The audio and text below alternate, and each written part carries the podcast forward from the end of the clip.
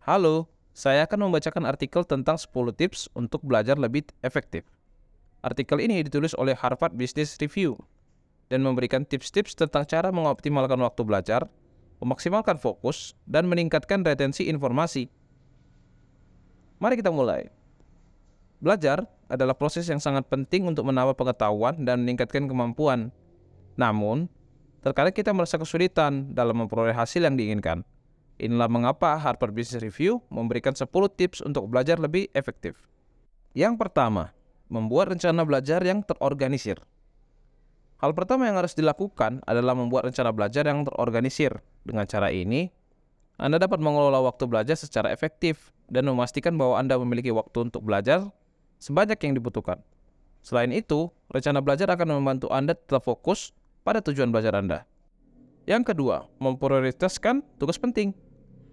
Setelah membuat rencana belajar, Anda harus memprioritaskan tugas-tugas yang paling penting. Ini akan membantu Anda mengelola waktu dan fokus dengan lebih baik, dan memastikan bahwa Anda mendapatkan hasil yang maksimal dari waktu belajar Anda. Yang ketiga, menjaga fokus. Fokus adalah kunci untuk belajar efektif. Ketika Anda belajar, pastikan Anda tidak terganggu oleh hal-hal yang tidak penting. Matikan ponsel, televisi, atau radio, dan fokus pada materi yang sedang Anda pelajari. Keempat, membuat catatan.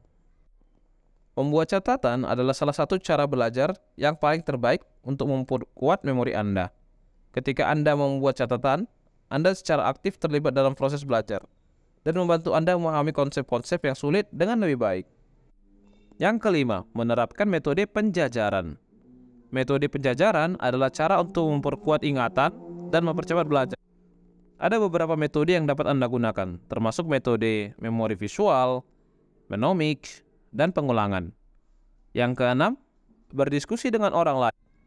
Berbicara dengan orang lain dapat membantu Anda memahami konsep-konsep yang sulit dengan lebih baik. Diskusikan materi yang sedang Anda pelajari dengan teman, keluarga, atau guru, dan gunakan pengalaman mereka untuk memperdalam pemahaman Anda. Yang ketujuh, mencari sumber daya tambahan. Ketika Anda belajar, pastikan bahwa Anda menggunakan semua sumber daya yang tersedia. Sumber daya ini dapat berupa buku, internet, video, atau pelajaran online. Memanfaatkan sumber daya tambahan akan membantu Anda memperdalam pemahaman Anda tentang materi yang sedang Anda pelajari. Yang kedelapan, membuat lingkungan yang mendukung belajar. Lingkungan belajar yang baik adalah lingkungan yang mendukung belajar. Pastikan bahwa lingkungan belajar Anda nyaman dan tenang dan terbebas dari gangguan luar. Selamat siang, hari ini kita akan membahas tentang memahami gaya belajar Anda. Apakah Anda tahu bahwa setiap orang memiliki gaya belajar yang berbeda? Gaya belajar adalah cara seseorang memproses informasi dan belajar dari lingkungan sekitarnya. Memahami gaya belajar Anda bisa membantu Anda belajar dengan lebih efektif dan efisien. Dalam artikel ini, kami akan membahas berbagai gaya belajar dan bagaimana Anda dapat mengidentifikasi gaya belajar Anda. Yang pertama, gaya belajar visual. Gaya belajar visual adalah gaya belajar yang didominasi oleh penglihatan Orang yang memiliki gaya belajar visual cenderung lebih suka memperoleh informasi dengan melihat gambar, grafik, atau diagram. Mereka juga lebih mudah mengingat informasi yang disajikan dalam bentuk visual. Jika Anda memiliki gaya belajar visual, cobalah untuk memanfaatkan gambar, grafik, atau diagram saat belajar. Anda juga dapat menggunakan teknik memori visual seperti membuat gambaran mental tentang informasi yang Anda pelajari. Yang kedua, gaya belajar auditori. Gaya belajar auditori adalah gaya belajar yang didominasi oleh pendengaran. Orang yang memiliki gaya belajar auditori cenderung lebih suka memperoleh informasi dengan mendengar. Mereka juga lebih mudah mengingat informasi yang disampaikan dalam bentuk lisan. Jika Anda memiliki gaya belajar auditori, cobalah untuk memanfaatkan rekaman audio atau podcast saat belajar. Anda juga dapat merekam diri sendiri saat membaca materi dan mendengarkan kembali rekaman tersebut untuk membantu mengingat informasi. Yang ketiga, gaya belajar kinestetik. Gaya belajar kinestetik adalah gaya belajar yang didominasi oleh gerakan dan pengalaman fisik. Orang yang memiliki gaya belajar kinestetik cenderung lebih suka memperoleh informasi dengan mengalami langsung atau melakukan aktivitas fisik. Mereka juga lebih mudah mengingat informasi yang dipraktikkan secara fisik. Jika Anda memiliki gaya belajar kinestetik, cobalah untuk memanfaatkan praktik atau simulasi saat belajar. Anda juga dapat menulis catatan atau mempraktikkan keterampilan yang Anda pelajari. Yang keempat, gaya belajar verbal. Gaya belajar verbal adalah gaya belajar yang didominasi oleh kata-kata dan bahasa. Orang yang memiliki gaya belajar verbal cenderung lebih suka memperoleh informasi dengan membaca atau menulis. Mereka juga lebih mudah mengingat informasi yang disajikan dalam bentuk tulisan.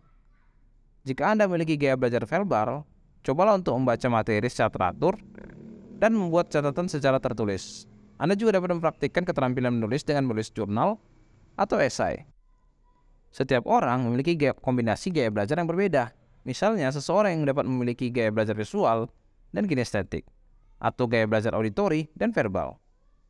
Penting untuk mengidentifikasikan gaya belajar Anda agar waktu belajar Anda lebih efektif dan efisien. Selamat siang, hari ini kita akan membahas tentang memahami gaya belajar Anda. Apakah Anda tahu bahwa setiap orang memiliki gaya belajar yang berbeda? Gaya belajar adalah cara seseorang memproses informasi dan belajar dari lingkungan sekitarnya. Memahami gaya belajar Anda bisa membantu Anda belajar dengan lebih efektif dan efisien. Dalam artikel ini, kami akan membahas berbagai gaya belajar dan bagaimana Anda dapat mengidentifikasi gaya belajar Anda. Yang pertama, gaya belajar visual.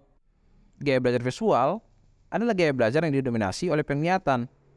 Orang yang memiliki gaya belajar visual cenderung lebih suka memperoleh informasi dengan melihat gambar, grafik, atau diagram.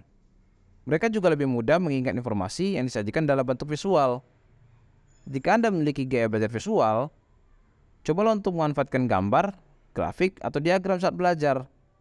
Anda juga dapat menggunakan teknik memori visual seperti membuat gambaran mental tentang informasi yang Anda pelajari. Yang kedua, gaya belajar auditori. Gaya belajar auditori adalah gaya belajar yang didominasi oleh pendengaran. Orang yang memiliki gaya belajar auditori cenderung lebih suka memperoleh informasi dengan mendengar. Mereka juga lebih mudah mengingat informasi yang disampaikan dalam bentuk lisan. Jika Anda memiliki gaya belajar auditori, cobalah untuk memanfaatkan rekaman audio atau podcast saat belajar. Anda juga dapat merekam diri sendiri saat membaca materi dan mendengarkan kembali rekaman tersebut untuk membantu mengingat informasi. Yang ketiga, gaya belajar kinestetik. Gaya belajar kinestetik adalah gaya belajar yang didominasi oleh gerakan dan pengalaman fisik. Orang yang memiliki gaya belajar kinestetik cenderung lebih suka memperoleh informasi dengan mengalami langsung atau melakukan aktivitas fisik. Mereka juga lebih mudah mengingat informasi yang dipraktikkan secara fisik. Jika Anda memiliki gaya belajar kinestetik, cobalah untuk memanfaatkan praktik atau simulasi saat belajar. Anda juga dapat menulis catatan atau mempraktikkan keterampilan yang Anda pelajari yang keempat, gaya belajar verbal. Gaya belajar verbal adalah gaya belajar yang didominasi oleh kata-kata dan bahasa. Orang yang memiliki gaya belajar verbal cenderung lebih suka memperoleh informasi dengan membaca atau menulis. Mereka juga lebih mudah mengingat informasi yang disajikan dalam bentuk tulisan. Jika Anda memiliki gaya belajar verbal, cobalah untuk membaca materi secara teratur dan membuat catatan secara tertulis. Anda juga dapat mempraktikkan keterampilan menulis dengan menulis jurnal atau esai. Setiap orang memiliki gaya, kombinasi gaya belajar yang berbeda.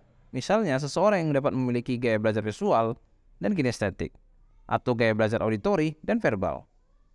Penting untuk mengidentifikasikan gaya belajar Anda agar waktu belajar Anda lebih efektif dan efisien.